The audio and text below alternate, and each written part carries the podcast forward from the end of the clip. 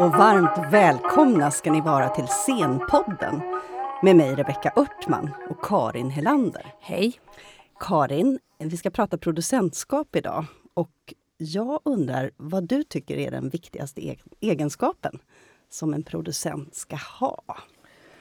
Ja, det får vi ju höra med vår gäst, men jag skulle ju tro att den eh, viktigaste egenskapen, i alla fall en viktig egenskap är organisationsförmåga. Men så tänker jag, ska man vara en bra producent så ska man nog också ha en smidighet. så den kombinationen tror jag är bra. Ja. Varmt välkommen Jonas Palerius. Mm, tack. Är du en smidig producent? Oh ja! det vore dumt att säga någonting annat. Nej, men skulle du säga är en eh, bra egenskap att ha som producent? En bra egenskap? Ja, men det, smidighet är ju, är ju faktiskt en, en, en, bra egenskap. Eh, att kunna hantera allehanda situationer. Mm. Um, det finns ju en mängd viljor och behov i en teaterproduktion. Um, mm. Och det gäller att kunna hitta och navigera kring, kring de här frågorna som hela tiden uppstår i en, i en produktionsprocess och även i en, i en färdig föreställningsperiod så, så mm. uppstår en mängd frågor som man hela tiden måste hantera av vilt skilda slag. Mm. Om man tänker då som en, för en vanlig människa som inte är i teatervärlden. Mm. Vad skulle man säga då att en producent gör och har för arbetsuppgifter? Det kort, korta svaret kanske är då alltså så här enkelt så här, budget, planering, förhandling um, och kanske det långa svaret är um, ja, allt möjligt. Mm. Det var inte så långt, men, men, men, men, där, men där ingår ju egentligen all den här sam, alltså man kan säga så här, samordning mellan olika personer i olika yrkesfunktioner. Ja. Det är det som är så fint med en teater teaterverksamhet. Att det är så många, många olika professionella människor som ska samarbeta kring en produktion som ju från början har ett färdigt datum, och till och med klockslag när produkten ska vara klar. Ja. Och, och, det finns ju en stor mängd expertis eh, kopplat till en, till, en, till en föreställning. Och som producent då, mitt jobb är ju att vara i all den här expertisen. Jag behöver inte vara expert på på detaljer i en teaterproduktion. Men däremot ska jag kunna ha och kunna, kunna samordna och ta beslut emellan. Där, men det här är nu viktigast just nu. Mm. Alla tycker allt oftast är det viktigaste för den, den expertisen som, mm. som, mm. som har en frågan. Men då gäller det att kunna prioritera. Det är också en egenskap, att kunna prioritera mellan mm. olika och, och se till att, att ha en bild av vad är det vi ska komma fram till till slut. Vad är det vi ska göra för någonting? Vad är målet med med verksamheten eller med just den här produktionen och då kunna ta beslut och kunna hitta vägar in i att välja och sortera bland de här. Mm. Så det är väl där tänker jag som organisationsförmågan kommer in också. För det är lite som du beskriver från ax till limpa. Mm. Liksom. Från idé till färdig uppsättning och också marknadsföring och så. Ja, det ingår i alla ja. delar och, och, som sagt, en teater är ju, är så fantastisk på det sättet att det är som ett litet samhälle där all... Det är en ganska liten yta om man, om man bildligt talar, där alla de här experterna finns. Så det, mm. Hantverksyrken, det finns ju ekonomer, det finns ju som sagt mm. marknadsföring. Mm. Det finns skådespelare, det finns musiker i min bransch då, där jag jobbar på ett, ett operahus. För du jobbar på Folkoperan, på folkoperan ska vi säga. Precis, på Folkoperan. Och det är ett lite mindre operahus då, eh, så där samlas vi verkligen bildligt talat under mm. samma tak. Det låter som att, eh, alltså, att man måste tycka om att organisera i kaos. Ja, kaos är faktiskt eh, det bästa som finns.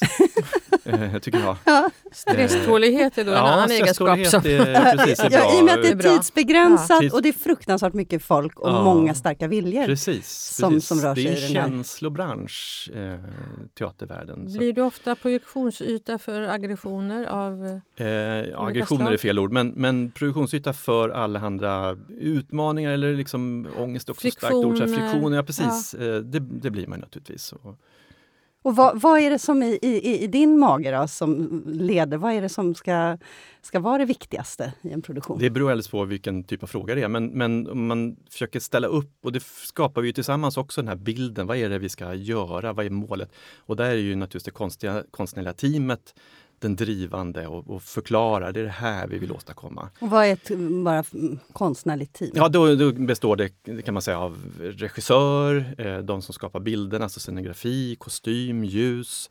I, i min värld då, på Operan så är det också musikalisk ledare, dirigent. Alla de här skapar ju en bild av det här vill vi åstadkomma med just den här uppsättningen. Ja. Och då är det att, att hitta dit, att inte gå vilse på vägen och, och och hitta fel helt enkelt, utan vi försöker hålla den där linjen. Så det var hit vi ville och därför är det här just nu viktigast. Vi lägger det där andra åt sidan en stund och så koncentrerar vi oss på det här spåret så att Just vi det, får så att- den, den biten blir klar så, att, För- så nästa kan fylla på. Ja. Du håller också tid, du är den som planerar tiden, så att säga. lägger scheman. precis, precis. Och, Nu har jag en massa kollegor som Ja. hjälper mig så jag sitter inte Ja. ensam och gör allt det där. Men, men, men grunden kan man säga är just grov planering, se till att, att, och sen att de här tiderna också hålls. Budget är en jätteviktig aspekt i det här så att vi kan ju inte ha, eh, dra över ekonomin eller vi måste hålla koll på ekonomin. Det är också följer upp parameter. budgeten hela tiden? Följer upp så? budgeten hela Ja. tiden och planeringen hela tiden och gör förändringar och justeringar hela tiden utifrån var befinner vi oss. Det är ett dagligt arbete egentligen att, Ja. Att justera tider, scheman, budget eh, utifrån då, var befinner vi oss nu? Vad har hänt? Vad hände igår? Det här hände. Ah, vi måste göra en justering där. Just Nu det. har den parametern kommit in som en, som en del i produktionen. Så det är inte så mycket så här, nej det kan vi inte göra för det har vi inte bes- beslutat för Nej, men man, tre veckor sedan, jag utan ja, att, kanske vi eh, ska alltså, Nej tänka är om. ju ett jätteeffektivt ord, eh, men man ska nog inte använda det allt för mycket i onödan, tänker jag. Man ska vara lite sparsam med nejet och försöka ändå... För det är ju ändå en...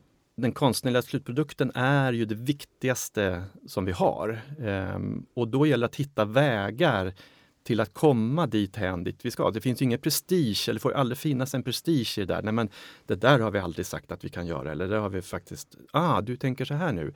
Ah, vi ska se om vi kan liksom trockla oss igenom och hitta via budget, via planering, via samtal med personalgrupper. Nu är det här som har hänt. Nu måste vi ändra lite inriktning här för att komma dit hän som vi vill. Just det. Så. Ja, Hur, hur förhåller sig då, jag tänker du på, på Folkoperan, så vi kan väl utgå från det. Mm. Då tänker jag att det, då blir man på ett sätt då produktionsproducent. Mm. Men sen har ni kanske flera produktioner igång. Mm. Och hur förhåller sig det, liksom det produktionsproducentarbetet i relation till liksom en årsplanering, årscykel eller eh, De- andra löpande produktioner precis. och andra åtaganden som ni har överhuvudtaget? De befinner sig hela tiden i, en, i en, olika faser av, av planering, budgetering och rent utförande. Så att, nu finns det en producent på Folkoperan just så jag jobbar med alla de inkommande produktioner som Mm. kommer och då ligger några ligger just nu bara i, ja vi har ett namn, vi vet ungefär hur många det ska vara med och då börjar man utifrån det göra en planering, en budgetering. Den ligger ju sen och vilar som en, Mm. en teoretisk produkt kan man säga. Mm. Tills man kommer närmare, man börjar anställa folk, det börjar ta form, det börjar finna en konkret idé kring vad det här ska bli för någonting. Mm. Och så fort man börjar anställa, då börjar pengarna, liksom, då börjar plånboken, just den plånboken Mm. för den produktionen öppnas. Då måste man börja budgetarbete kring just den produktionen. Och då kanske en annan produktion ligger i slutfasen på repetitionsarbete. Det eh, kan man likna vid en, när man precis ser det här hetaste ögonblicket att gå in i en torktumlare. Mm. Varje dag är som att man har ingen aning om vad som kommer hända. Man går dit till jobbet eh, med öppna sinnen och så, så, så, så vet man direkt när man kommer innanför dörren så händer det någonting. Och så Ja. gäller det att ta tag i det. Och, och så då, då är det en annan fas av arbetet där man måste använda andra skills för att navigera i den torktumlarsituationen. Men du är lite förtjust i det kaotiska, är det så? Ja, precis. Jag gillar det här. Du trivs i det? Ja, tycker det är spännande. Då händer det saker. Och kan du koppla av när du kommer hem när det är den här torktumlarperioden? Ja, det tycker jag. Ibland så tar man ju med sig naturligtvis lite tankar. Det ringer eller kommer sms eller mejl sådär. Men, men det är också nog en bra att man, att man verkligen kan släppa och, och, och, och Mm. tänka på annat. Även om det ibland är det liksom, tar man med sig om man ligger vaken. Mm. Det är fel ord också, men man, man, man kan fundera Man fall. löser problem Precis, ja, Ja. precis. Och så Ja. vaknar man just det där och så. Men det oftast är det så att de här problemen som är nattetid eller på morgnarna eller på kvällarna Mm. när man väl kommer till sitt arbete, då är de ganska små Ja. egentligen. Man tänkte, Ja. oj varför satt jag och oroade mig för det där? Ja, just Det det. där löste sig bara i ett samtal och Ja. så var det klart. Hur nära arbetar du en, med konstnärliga ledaren? Um, ja, konstnärliga ledaren alltså, som finns på Folkoperan, vi jobbar nära när vi, just det där att skapa en bild av vad är det vi vill nå för någonting. Hur uppnår vi det här? Uh, det finns ju en konstnärlig vision. Sen finns det ju en, en annan verklighet som då handlar om tid och resurser och, och, och hur använder vi vår teater på bästa sätt? Mm. Uh, det handlar ju också om att inte överutnyttja framförallt personalresurser, att, vi, att alla får just den här fritiden, mm. möjlighet att mm. gå hem och, och kunna släppa arbetet, mm. att se till att ingen tar med sig jobbet hem. och så där. Det är också en del i arbetet att se till att alla har det, har det bra. Hur mycket är du på ditt rum? alltså, hur mycket sitter du med dina tabeller och scheman? Ganska lite. Och, ja. alltså, eh, vi har ju också så på Folkoperan just då att vi har en teaterbyggnad och sen så har vi en administration kan man säga. Vi är ganska små, men vi har en administration där vi kanske sitter sju, åtta personer. Den är på en vindsvåning i en fastighet bredvid själva teaterhuset. Det betyder att för att ta sig ner till teatern så måste man då gå i en trappa eller åka hiss. Men jag väljer mm. att gå den här trappan, både upp och ner. Och det blir eh, ganska många mm. steg faktiskt och ganska många våningar på den där mm. märker man. För jag springer egentligen hela tiden. Och det är också en liten, mm. det där att röra sig hela tiden är en liten det är ett ganska effektivt sätt att hitta situationerna eller hitta, mm. hitta mötesplatser. Mm. Eh, så att det är en, en, ett sätt att hantera mitt arbete, att röra mig mycket mm. På, mm. upp och ner på teatern eh, och upp på kontoret. Så jag är ganska lite mm. stillasittande framför datorn och hmm, hur var det nu? Det, periodvis såklart när man sitter och planerar en produktion. Men just när man är i det aktiva skedet, när det är mer i frågan om kanske produktionsledning eller vad kan mm. heta, produktions... Mm. Eh, då, då är man ju väldigt rörlig. Ja, för då har du både då det konstnärliga visionsarbetet tillsammans med konstnärlig, mm. Eh, konstnärliga teamet och mm. sen så är du också ansvarig då för eh, teknik och ruljans, alltså ja, hela Ja preprecis, alltså, som sagt vi är många som jobbar på, på, på, en, på en arbetsplats här, även om vi är ganska små Folkoperan, men vi är många som delar på på olika ansvarsområden. Så att, allt vad det gäller huvuddelen av budgeten, huvuddelen av planeringsarbetet. Sen är det de som sköter det här som är liksom mer kanske praktiska eller vi har, vi har expertiser på, vi har en teknisk producent på Folkoperan som har hand om, om upphandling kring mm. verkstäder och mm. eh, bygg tider och sånt där. Det mm. jag är ganska lite inkopplad i, mer som ett bollplank. Mm. Eller har som, du personalansvar? Ja, det har jag också. Jag har ett chefs, en chefsposition då, på mm. ansvarig för ett antal mm. personer. Hur, hur, kan man lära sig det här yrket? Det låter ju så otroligt mångfacetterat. Ja, det, det finns ju en utbildning, en, en teaterproducentutbildning som man kan gå, som jag har gått. För, här i Stockholm? Här i Stockholm, mm. precis. Eh, där får man ju grunderna och man får framförallt ett stort kontaktnät när man går en sån utbildning. Sen är det mycket att jobba och, och sätta sig in i hur fungerar en teater och, och, och det här var lite nyfiken på. För det är också att kunna förstå och hantera en teaterteknisk detalj, att förstå och kunna hantera en konstnärlig vision, att förstå och hantera en kostymskiss, att förstå och hantera en budget. Alltså det är många mm. delar som man måste, och det gör man ju inte. Alltså det finns ju där erfarenhetsbaserade kunskapen som man kan tillgodogöra mm. sig om man jobbar. Och nu har jag jobbat så pass länge på just Folkoperan också, så, så att det bygger man upp en erfarenhetsbank av hur Mm. Att kunna hantera olika situationer. Men du har ju också varit på andra scener än på Folkoperan. Ja, jag har varit, har varit på Riksteatern eh, och jag har varit på Kulturhuset och jag har varit på sommaroperaverksamhet i Vadstena. Eh, innan jag producentutbildade mig så har jag jobbat på Stadsteatern mm. i biljettkassan med med mm, kundreshkontra och suttit och stansat in olika, jag har jobbat som vakt, internvaktmästare mm. där och också jobbat då som abonnemangsassistent på Unga Klara en, en, under en lång period. Så att allt, egentligen hela min mm. yrkesperiod har varit på mm. teatrar. Och skiljer sig producentskapet tycker du på de här olika sorters scener som du har varit på? Eller är det ungefär same same? Jag skulle säga att grunden är ju same same. Det som är också som ju är det roliga där jag befinner mig nu på, på en operainstitution, det är att det är så många fler delar som ingår i en operaproduktion mot en en kanske teaterproduktion. Där har vi hela den musikaliska biten med orkester, eh, och sångare och, och, hela den apparaten som, som trillar in i en mm. operaproduktion. Och det är också oftast att det är så pass mycket människor. Vi hanterar ju ibland i våra stora produktioner är det ungefär 100 personer som ingår i en, en, en stor produktion eh, på ett eller annat sätt. Mm. Och, med ja, solister, och körer och orkester och, och, allt. Så det är ett eh, praktiskt lärande, ett praktiskt yrke?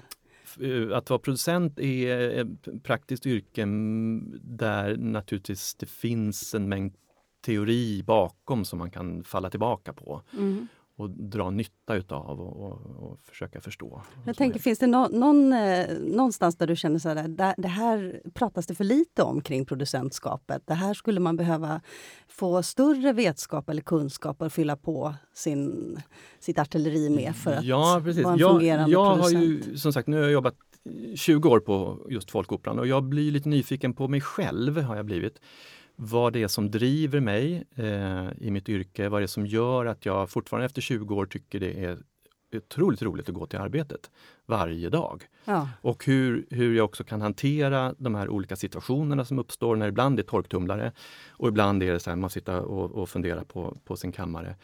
Så då har jag försökt hitta, så här, vad hittar jag teorier eller hittar jag liksom förståelse för mitt, mitt handlande och det som sker på en, en operaproduktion och då har jag sökt mig till en utbildning som, eh, som heter, eller institution på en högskola i Stockholm, Södertörns högskola, som heter Praktisk kunskap. Mm. Som ju egentligen, det här är ju en praktisk kunskap att vara producent, att, att hitta, navigera inom... Mm. inom. Va, vad får man lära sig där? där framförallt är det ju som jag känner att jag lär mig eller tar till mig, det är teorier, nu pratar vi filosofiska teorier mm. som, som går tillbaka flera tusen år eh, kring kunskap, vad är det för någonting? Erfarenhet, hur fungerar det? Olika kunskapsformer. Olika kunskapsformer. Mm. Aristoteles mm. mm. pratar ju om, om de olika kunskapsformerna där Fronesis är mm. en av de liksom bärande, som ligger nära det dyktiga, att vara, vara mm. en god, god människa. Eller, och, och det är ju där, Fronesis är just den här klokheten eller förmågan att kunna, det som man inte ser, man inte kan läsa sig till eller man inte kan liksom bevisa vetenskapligt utan som bara finns genom erfarenhet och som mm. finns lagrad i kroppen. Och till exempel springa i trappor upp och till ner. Exempel, en, ja, precis, men det kan ju vara en metod sen att, ja. att, att vara i rörelse. Det också, finns ju också Aristoteles teorier om att vara i rörelse. Vad betyder det? Förändring, hur påverkas det utav rörelse? Och alla de här teorierna, när man läser dem så blir det så här, wow, det är precis det här som jag, som jag erfar eh, på mitt arbete. Just det, rörelse ger förändring, förändring ger ny kunskap och den kunskapen ifrågasätts sen nästa gång man hamnar i en liknande situation. Mm. Ah, då vet jag precis vad som händer. Just det.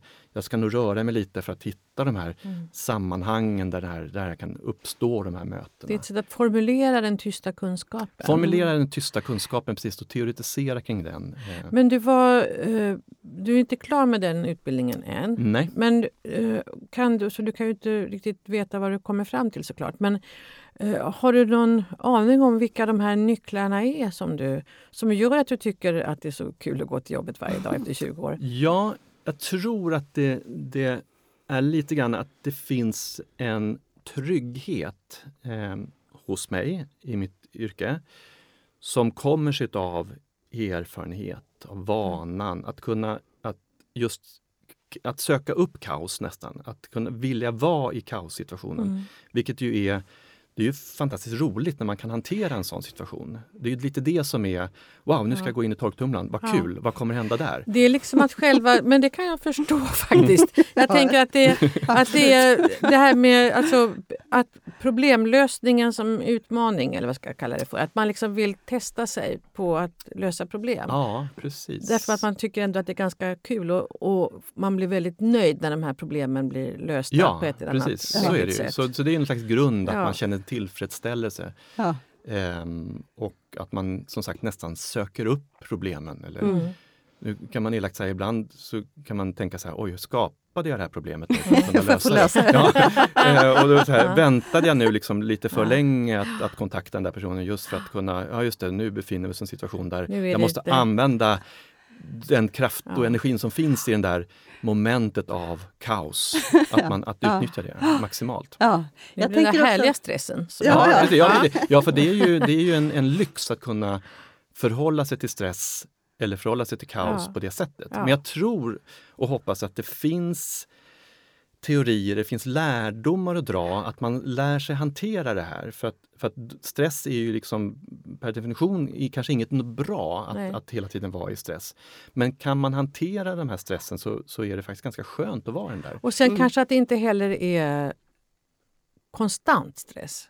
Nej. Utan att det måste ändå finnas någon slags återhämtningsperiod. Det, man går ner i något finns- lite liksom, Mm. lugnare läge och sen är man redo för nästa Ja, liksom, precis. torktumlare. Men det är så. också, har jag också märkt, det är också det här att, att ligga på en nivå där man hela tiden är på tårna. Det, det, att komma till den liksom punkten där man nu känner att nu är det liksom bra läge för allt möjligt, nu kan vad som helst hända. Mm. Att komma upp i den där nivån, det tar lite tid. Det är inte så att man, ja vad skönt, nu, kan jag, nu går jag ner på nollnivå. För då tar det en stund att komma upp i det där. Då måste man nästan springa upp och ner i trapporna tre gånger för Ja. att komma upp i det där liksom Flowet. flowet, Ja. eh, där hjärtslagen. Liksom. Ja. Men du, konfliktlösning Mm. måste ju vara någonting som eh, du också har liksom, blivit mer och mer van att hantera. Ja, precis. Det det är ju också naturligtvis en del utav av arbetet. Att, och sen konflikt låter ju som att det smäller till någonstans. Men, men det är ju oftast de stora konflikterna är ju ganska underliggande och ganska osynliga till en del. Eh, Att man balanserar behov snarare, Ja, olika önskemål. Och, Precis, för att det är sällan som konflikterna blir så att någon står och skriker åt varandra, även om det sker naturligtvis, men det är undantagsfall. Ska säga. Men däremot så finns det ju konflikter som ligger och gror. Intressekonflikter Precis, jag nästan säga. Jag skulle intressekonflikter. Behöva liksom åtta repetitioner till. Eller varför kan vi inte ha de här röda som Precis. visserligen Eller den sa att jag inte kunde Ja. det eller Ja. de, jag får ingen tid med, med, i den där verkstaden eller vad det kan vara frågan om. Och då gäller det att försöka liksom dels att naturligtvis ligga lite före och kunna förutse det där. Ibland, så, till och med ofta, så kan man inte det för att det är ju en levande Mm. eh, verksamhet. Men då gäller det att försöka säga, okej, vad är det nu som händer här? Vad är det, de- vilka viktiga spelarna i, det här, i den här konflikten? Hur kan vi lösa upp? Vad kan jag ehm, lösa genom att ja, men vi ger lite mer tid här, eller vi tar bort lite tid där. Vi ändrar den där mm, musikaliska instuderingstiden till, till tid på scenen för teknikerna och få, få göra klart den där delen. Ja, gör vi det, det kommer svida lite grann där, men vi kommer i slutändan komma ut som, som en... Som en som, Det kommer bli bättre i slutet helt enkelt. Du är en slags dirigent för hela teaterprocessen. Oh, ja, ehm, ja, det låter ju stort alltså, men nu ska vi inte överdriva. Men, men, men det är ju, det är ju liksom lite grann det där eh, att försöka hitta och, och balansera olika viljor. Orkestrera olika, orkestra- viljorna, ja, eller precis. hur? Ja, men Nej, det kanske är, jag tycker inte det är överord. men du, du säger, jag tänker du, med, eftersom du går på den här på Södertörn, Mm. kursen och din långa erfarenhet. Hur har, hur har producentjobbet förändrats tycker du sen du började tills nu? Och alltså, du måste ju ändå ha förändrats under alla de här producentåren men också kanske scenkonstlivet har förändrats på något sätt. Eller finns det andra eh, parametrar som ni måste ta hänsyn till? Sociala medier eller vad vet jag? Alltså, Mm. Alltså framförallt så kan jag ju tycka så att jag har förändrats under tiden från det att jag började som producent. Man, man tänker så här, oj, oj, oj. Hur, hur, du var inte lika stresstålig då kanske? Nej, nej, men jag tror att det där finns ju också att man överhuvudtaget går in i arbetet.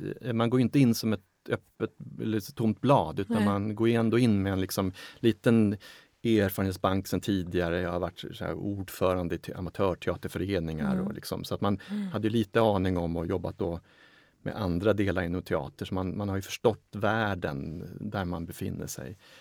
Men däremot så, så, så får man ju mer erfarenhet, man får mer kunskap, man kan ta, ta sig an större uppgifter. Som jag har ju Mm. liksom utvecklats som, som person och också mina uppgifter och, och, och ansvarsområden har ju naturligtvis förändrats under tiden. Sen är det ju naturligtvis att de yttre delarna också, det finns ju en förändring i arbetsmarknad, alltså Mm. hur vilka personer anställer vi? Eh, hur, hur ser anställningsförfarandena ut? Eh, vad betyder sociala medier? Vad, är det, vad sägs där om oss eller som, om kulturen generellt? Som man får hela tiden förhålla sig. Så det där är en mm. omvärld också som, som ligger och tickar på. Vad gör vi för produktion just nu? Vad betyder den? Vad är det, vilka är det vi ställer på scenen? Vad betyder det? Mm. Och så vidare. Så att, eh.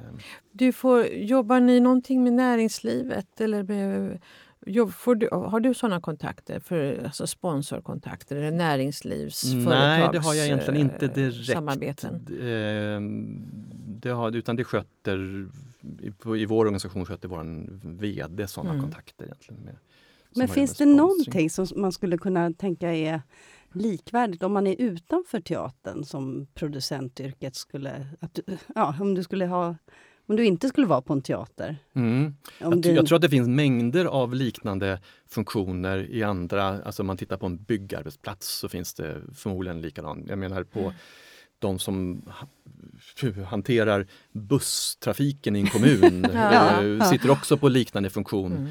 Skulle jag säga. Det som kanske skiljer, nu, nu vet jag inte... Taxiväxeln. taxiväxeln ja, men precis. Det som kanske skiljer är att, att det är sån mängd olika yrkesgrupper ja. kopplat till en teaterproduktion. Det är liksom allt som sagt ifrån hantverksyrken till, till ekonom och, och sen har vi foajépersonal, vi har biljettkassa, vi har sångare, mm. vi har musiker med hur lång utbildning som helst. Alltså det är så många olika yrkesgrupper som finns på en teater. Och sen också att den konstnärliga personalen är inte stabil så, utan Nej, det är nya sångare för olika produktioner. Det, precis, det är också, Även om många, en del återkommer så är ja, det ju precis. ändå... Och det är också du menar olika... var labila? Nej, kan de också vara, men det var inte så jag menade. Men det är också lite beroende på var man är någonstans. Nu är ju vi en frilansarbetsplats till stora delar, så vi växlar ju väldigt mycket ja. av den konstnärliga personalen just. Eh, men andra institutioner eller andra teatrar har ju ibland en ensemble som, som de jobbar med. Men har du tänkt så att så här, om jag inte var på en teater då skulle jag göra det här? Och vad det skulle vara i sådana fall? Nej. Nej. kanske skulle vara något helt annat. ja, men, ja, men det är i så fall något helt annat. Jag tror inte att jag har tänkt så här, ja, men jag skulle nog kunna passa i, i, i bussamordningen. På, Nej. I, men har du haft konstnärliga drömmar då? Att du har egentligen velat... Oj, det var länge sedan jag hade det. Alltså, ja.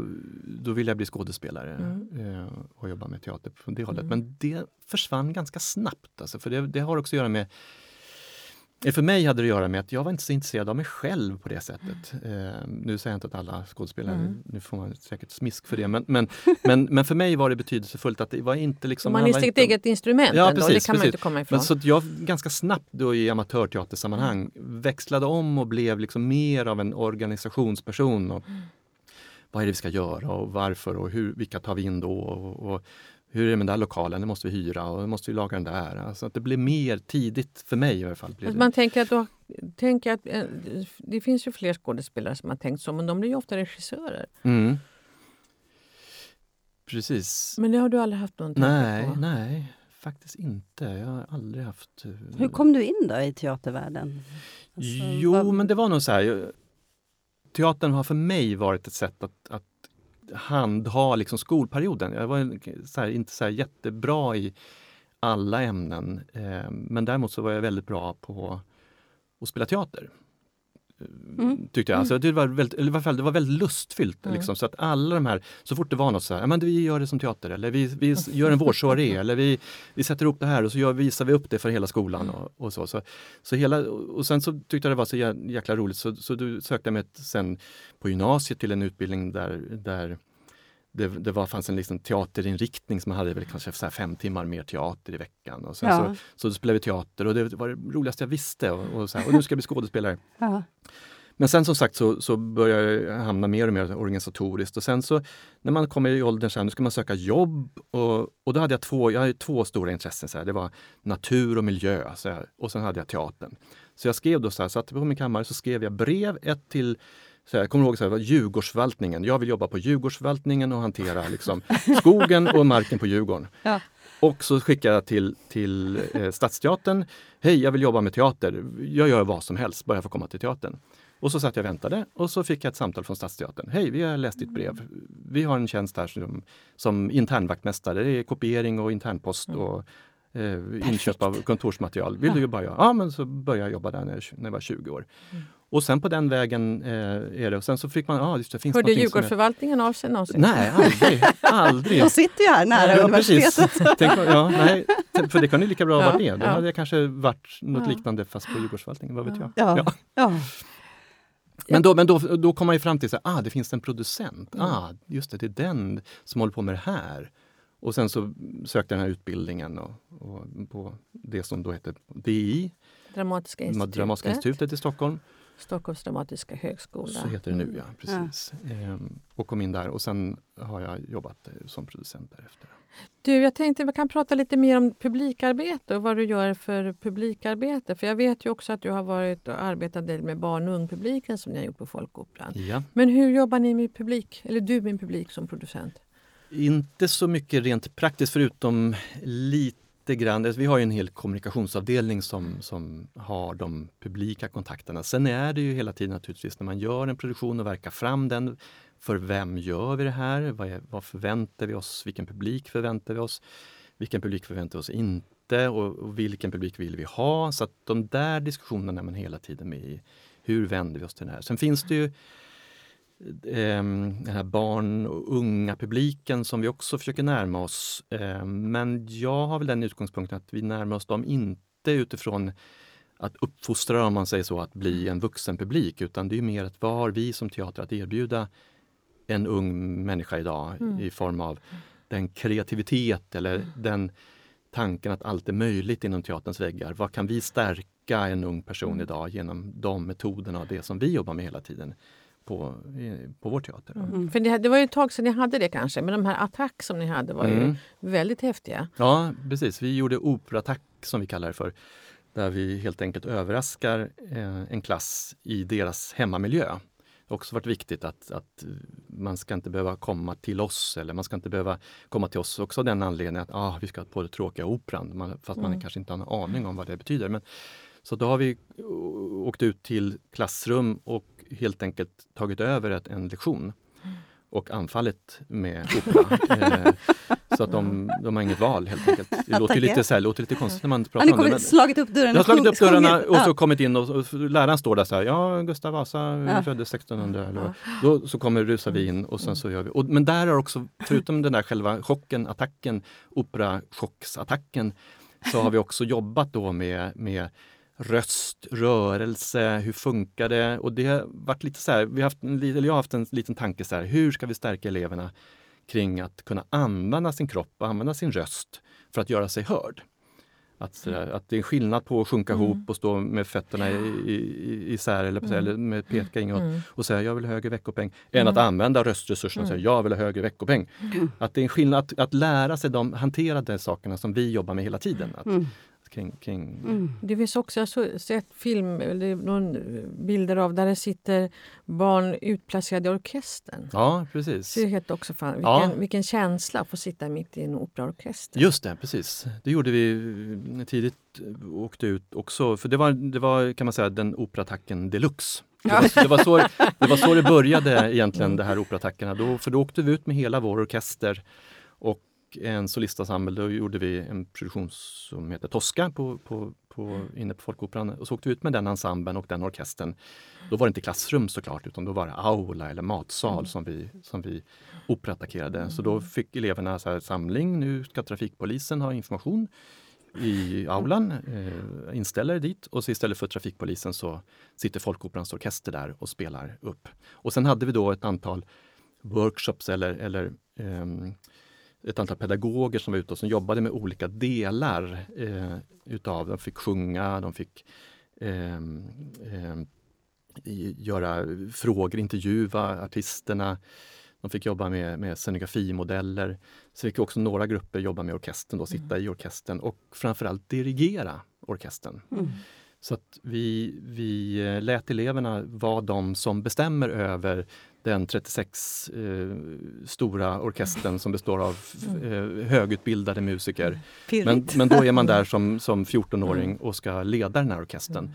Och då är det roligt när man såg de här eleverna som förstod, det är faktiskt jag som bestämmer. Ja, jag har nu faktiskt spelar de precis, fortare. Precis, för att det är jag som 14 Ja. år som, som, och här sitter vuxna människor och gör som jag säger. Alltså den Vilken blicken känsla. man såg i den där eh, eleverna, det är fantastiskt. Snacka om Eh, deluxe. Precis, Men- deluxe. Mm. Men jag, jag tänker på det här också att, att alltså som producent, du är med i hela det här torktumlar-artilleriet och ni ska fram till premiär. Mm. Och så blir premiären och det är champagne och fest. Mm. Vad händer sen efter en, en premiär? För, För en producent. är det Ja. producent, precis. Ehm, ja, vad händer sen? Då, då går man ju, alltså, då, då tar ju oftast en annan fas. Du har ju den här fasen som, som börjar med planering och budgetering och just det, vi har ett namn på en produktion, men vi vet inte vilka som ska vara med. Och så här. Då har ju den vuxit och, så då ganska snabbt går jag in i en annan, en annan värld. Sen gäller det att då hålla lite så här, övergripande koll på, rullar produktionen som vi har tänkt? Har den blivit för lång? Alltså, kostar OB? Eh, allting som, Mm. eller är det andra förändringar? Just det, vi har en sjukdom i ensemblen, hur hanterar vi den? Eh, vi måste lägga in extra repetitioner. Det har hänt någonting tekniskt, ridån har hängt sig, vad händer då? Påverkar Med, med det? praktiska, Praktiska, precis. saker. Sen har vi ju massa, fan, apropå experter, vi har ju massa bra personal som sköter, liksom, som sköter hela föreställningsperioden. Som, Men vad gör du för att koppla av efter en premiär? Eh, börja med nästa produktion. det är det bästa. Kan du, kan du, kan du eh, verkar inte som just avkoppling är grejen? nyckeln. Eh, kan du själv komma med idéer? Alltså, kre, alltså konstnärliga eller kreativa idéer eller den här typen av attackidéer? Eller om du får någon som du själv känner, det här vore ju fantastiskt Ja, göra. det kan jag göra. Ehm, och framförallt i en produktion som börjar ta form så kanske man, vänta vad, tänk, vad händer här? Skulle man kunna tänka så här? Det kan vara allt ifrån publikarbete eller, eller mm, så här, men om vi tar in de där tiderna eller behöver du en sån här grupp personer? Vi, eh, för, för att förstärka just det där momentet så kan vi titta på det. Ehm, så att, så att visst gör man det, men det blir mer som en... Det är inte så att man sitter och säger nu ska jag komma på något smart, utan Nej, det blir nej. mer att man, att man, man i, i, i rörelsen, apropå rörelsen, rörligheten, rörelsen ja. ja. precis, så, så just det, det där är du ute Ja. efter, ah, kan vi lösa det på det här sättet? Mm. Så det blir ett, en form av liksom idé, konstnärlig idégivande Mm. blir det ju det där. Har du kontakt med andra producenter på andra teatrar? Väldigt, väldigt lite. Fin, det finns inga nätverk? Jo, det finns eller? massa nätverk. Det är Ja. bara det att jag är en ganska introvert person.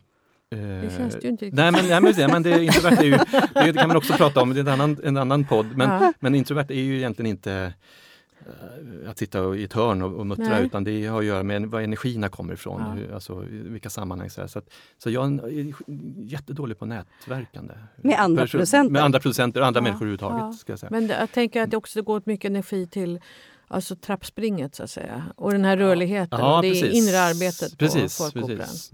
Man kan man skylla på det. det Men går, du på, går du på teater någon gång och ser annat än vad ni... Jag försöker göra det men det är också mm, svårt att hinna med helt Ja. enkelt. Alltså, Men följer så- du era, går, alltså även era egna produktioner? Eh, Går du på premiären och sen är det finito? Eller Nej, utan jag brukar ibland, försöka eller? se, eh, även om man skulle vilja följa upp oftare och vara där oftare såklart. Men, men i och med att man då hamnar i en annan fas, då, liksom, då går man in och så är koncentrationen på nästkommande produktion. Mm. Så lite sådär, omedelbart släpper man den där. Men sen, just det, jag måste gå och kolla hur, hur det går nu. För en produktion utvecklas ju hela tiden. Mm. Från premiär till sista föreställning händer det ju oftast jätte- jättemycket. Och ibland händer det saker som man, ja ah, men nu har jag hört det här, nu måste jag ner och kolla. Hur, hur funkar det här Mm. just nu? Vad händer där? Och, Är det någonting som jag behöver engagera mig i och, och försöka hitta Får en en producent ha en favoritproduktion? Får Om han får ha en favoritproduktion? Ja, på Folkoperan just. Ja. Ja. det får han nog ha. Ja, till exempel. Mm, ja, det, det, precis, och det har jag är lite färgat av vad man har tyckt var roligt att jobba Ja. med, men också det färdiga Ja. resultatet. Den Kanske när det sammanfaller. Ja, men den här Tosca som vi gjorde tyckte jag var extremt roligt att jobba med. Vi hade också, Var det en- Jasenko? det var Jasenko Selimovic. Selimovic, ja. eh, sen gjorde vi en jättefin, tycker jag, eh, eh, ehm, Julius Caesar, Händel. Mm. Eh, sen har vi gjort, eh, nu på senare år så tycker jag att vi gjorde Carmina Burana. Mm. Eh, också fantastiskt roligt att jobba Med med. de här äldre, Äldre damerna. damerna. Det var så många olika komponenter, nya körer, komponenter, körer Mm. eh, som vi jobbade med. Det är också precis allt det här som, ja det var lite nytt. Alltså det det här. har ni ju jobbat, jag tänker just med Folkoperan nu, ni har ju jobbat både med liksom många körer men också ta in amatörer av olika slag. Precis. Vi, det som vi kallar för det? autentiska, Ja. eh, det påverkar jättemycket eh, sättet att jobba och tänka på. Det är en helt annan grupp som kommer in med helt andra tider, helt andra behov, helt andra önskemål eh, som kommer in till oss på teatern. Eh, så att, och, och det, alla de där grupperna tar ganska mycket tid att hantera. Inte för att de är besvärliga på något sätt, men Nej. det är nya grupper som man måste eh, hantera på lite annat sätt. Och så kanske inte heller har en grundläggande för förståelsen Inte om vad en en grundläggande för, operaproduktion precis, är. precis. Så det är mycket som händer under produktionens gång. Just det, nu har det här hänt. Och det är mycket på grund av att det är en ny situation för de här personerna. Mm. Mm. Eller den här gruppen av människor som vinner. Just det, då måste vi hantera det. Vad består det i? Hur gör vi det bättre nästa gång? Mm. Det låter som att eh, det är mycket det här att möjliggöra eh, saker för andra runt omkring en Som, produktion. som, producent Som är det producent. absolut, det kan man säga att möjliggöra eh, för andra. Precis, det är ju Mm. så, så som det fungerar. Mm. Att, att se till att de konstnärerna får att vi får ut största möjliga utav, utav Mm. Är det det roligaste i ditt yrke? Eller finns det något annat som skulle beskriva det absolut roligaste? Ja, men det roligaste skulle jag säga, det är att, att vara i de här sammanhangen. I nerven, liksom. det Ja, där du, som du precis. beskriver, hjärtklappningen. Ja, den där, precis. Och också vara i den här expert... Nu, innan jag kom hit så har jag suttit i långt möte här med en, en kommande produktion med, med kostymskisser och eh, scenografiskisser. Och att vara i det där sammanhanget med, med skräddarna eller med teaterteknikerna och, och diskutera hur löser vi den här delen och hur ska vi jag är ingen expert på hur man tillskär en, en, en, skjorta, men, men att få, få vara del i den där samtalen och, och ibland få frågan, vad tycker du Jonas? "Eh, just det, ja men det blev väl Klipp. bra. Ja, det, klipp det blev jättebra hur man klipper. Nej, men Att kunna få vara i de här sammanhangen med alla de här experterna, det är Ja. faktiskt en fantastiskt Ja. eh, roligt. Men jag tänker att med problemlösning så måste vara ändå det som eh, också som triggar dig, känns det som. Har det funnits problem någon gång som du inte har kunnat lösa? Eller som har varit extremt svårlösta? På något sätt löses ju Ja, alltid, på men jag menar som har varit eh, som du känner att Precis. det finns en frustration i? Eller som det, ja, det kanske har funnits. Sen gäller det inte att liksom fastna i det där för allting och, och det är också i vår värld så alla problem är ju, det är ju ganska små i förhållande till världsproblemen. Ja. Så här. Det gäller att ställa i relation Ja. också. Så att jag tänker nästan aldrig Nej. alltså, i sådär misslyckanden eller Nej. Du det ältar där, inte? Jag ältar inte det där Nej. problemet. Oj, det kan du aldrig lösa. Eller Nej. oj, vad tokigt det där blev. Utan allting blir ju bra, alltså bara att det blir annorlunda. Det Mm. blir, vi löste det på det sättet istället för det. Det låter som den där filosofihållningen. Ja, ja men, men det är där. Ja, precis. ja. Ja, det, är lite, Det känns väldigt sunt måste jag säga. Ja, Kanske nödvändig skills som Mm, producent ja. att faktiskt inte fastna i nej för då ältandet. tror jag man skulle liksom gå under efter Mm. en stund och, och, och känna sig misslyckad eller Mm, dålig. Och, mm. det får man ju inte göra. Mm. Är det någonting som du känner i producentskapet som du skulle vilja utveckla hos dig själv? Det finns ju saker som man känner så här, "Nej, men det där skulle jag vilja behärska lite bättre eller vara lite mer intresserad av eller, eller ägna lite mer tid åt. Eh, Det, ibland är det ju roligast att vara i situationen, att vara närvarande i en, en, en situation, att, att springa just den där trappen Mm. upp och ner. Det som man då försakar lite grann är ju kanske det här grundlä, grundliga arbetet, förarbetet som man faktiskt eh, tjänar på att ha med sig när man väl ska springa de där trapporna. De där långa linjerna Precis, tar långa linjen. Och det, och det tror jag att jag ska bli lite bättre på. Att, att, att lägga tid på den här grundläggande planering, se till att folk blir kontaktade i tid och får kontrakt upp och, följs upp. Allt det Där. utvärderingar. Precis, utvärderingar. Ja, men allt det där, det ska jag bli bättre på. Ja, Det- nej, men det kan ju vara, det, det är, jag tänker att det är säkert eh, sånt som alla som arbetar inom teater, Mm. man pratar ofta om de där långa linjerna, Ja. om planering och verksamhetsledning och så. Men att man ofta är just i det där spjutspets. Ja, i, för det är ofta det är också det som tar uppmärksamhet. Det är mycket enklare att, att, att förstå den, den också när någon kommer in. Åh, det här går inte längre. Mm, mm. Då, ja, just det, Snabb lösning. precis, nu ska Ja. vi hitta en lösning. Än att sätta sig ner och gud, nu ska jag sätta mig Ja. en hel dag här med Ja, planering fyra år framåt. nej, just det. Nej, Men, planeringsarbetet. men, men det är mitt mål att bli bättre på. Det låter bra. Mm. Jag tänker det låter inte helt olikt livet på universitet eller Så. Livet, Eller- liv, livet är i- stort i kanske. övrigt, ja, precis. Ja. Livet är stort. Det, mm. Man letar kickarna. Ja, just, ja men precis. Det är lite, och det gäller att hålla sig ifrån det där lite grann. För då, då kanske, apropå det där att söka upp eller till och med skapa problem för att sen lösa dem. Det är ingen Mm. speciellt bra strategi. Det, är Nej. liksom, det, det, det blir ju en, precis, man kanske får en kick just situationen. Gud vad skönt, vad smart jag var och löste den här situationen Mm. som jag själv skapade. Mm. Men det är egentligen inte Det sådär kanske är ett jättebra. förebyggande arbete. Du kanske slipper vissa problem genom att föregripa med att skapa andra, Andra som du problem, kan lösa. ja precis. Ja. precis. Ja, men det, men det, Det är ju det som är faran. Liksom. Ja, men Ja. Jag undrar om det är en bra strategi, så det ska jag också tänka Ja. på. Men då tänker på. jag den här fortbildningen som Mm. du gör, det måste ju vara en me otroligt medveten strategi att eh, faktiskt göra ett fördjupningsarbete. Ja, och apropå vilopunkter, för det är ju är ju också för mig en vilopunkt, en viloperiod. Att kunna få tänka, Mm. reflektera, läsa teorier, förstå dem och koppla dem, hela tiden koppla dem till Mm. yrkesvardagen. Men, men där vilar man ju, man behåller det liksom i Man är jobbsituationen. aktiv i, Man är i aktiv sin... i, själva, i själva yrkesutövandet men det är en helt annan, helt, helt annan eh, gren helt enkelt som man går in i. Ja, och göra någonting helt annat tänker jag. Det Och behöver ju inte vara att man ligger i en solstol för att vila, utan det kan just vara att man är i en annan miljö och får en Precis. annan Och får reflektion. syn på andra saker. Få syn på andra saker och, och sig själv på ett Ja. annat sätt. Så det, och andra, organisationen, hur den fungerar, hur, hur man kan hantera. Så förhoppningen är att man kan hantera uppkomna situationer på ett Mm. annat sätt genom att ha teorierna. Eller man förstår, jag handlar på det här sättet, jag reagerar på det här sättet. Just det, den personen, vi är ju alla lika, alla är människor och alla. Så man kan också förstå andra genom Mm. kunskap om sig själv. Vi får göra en ny scenpodd om fem år och se om, om den här magisterutbildningen har förändrat ditt sätt att vara Ja, just det. producent. Precis. Så kan det vara. Precis. Tack Jonas Palerius för att du kom till Scenpodden och pratade om producentskap. Tack, det var roligt. Tack Karin.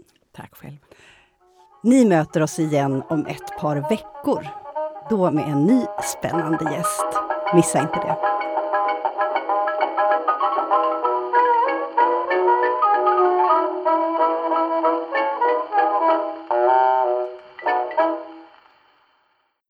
Du har lyssnat på Scenpodden, en podcast från Rats Teater och Humanistiska fakulteten vid Stockholms universitet.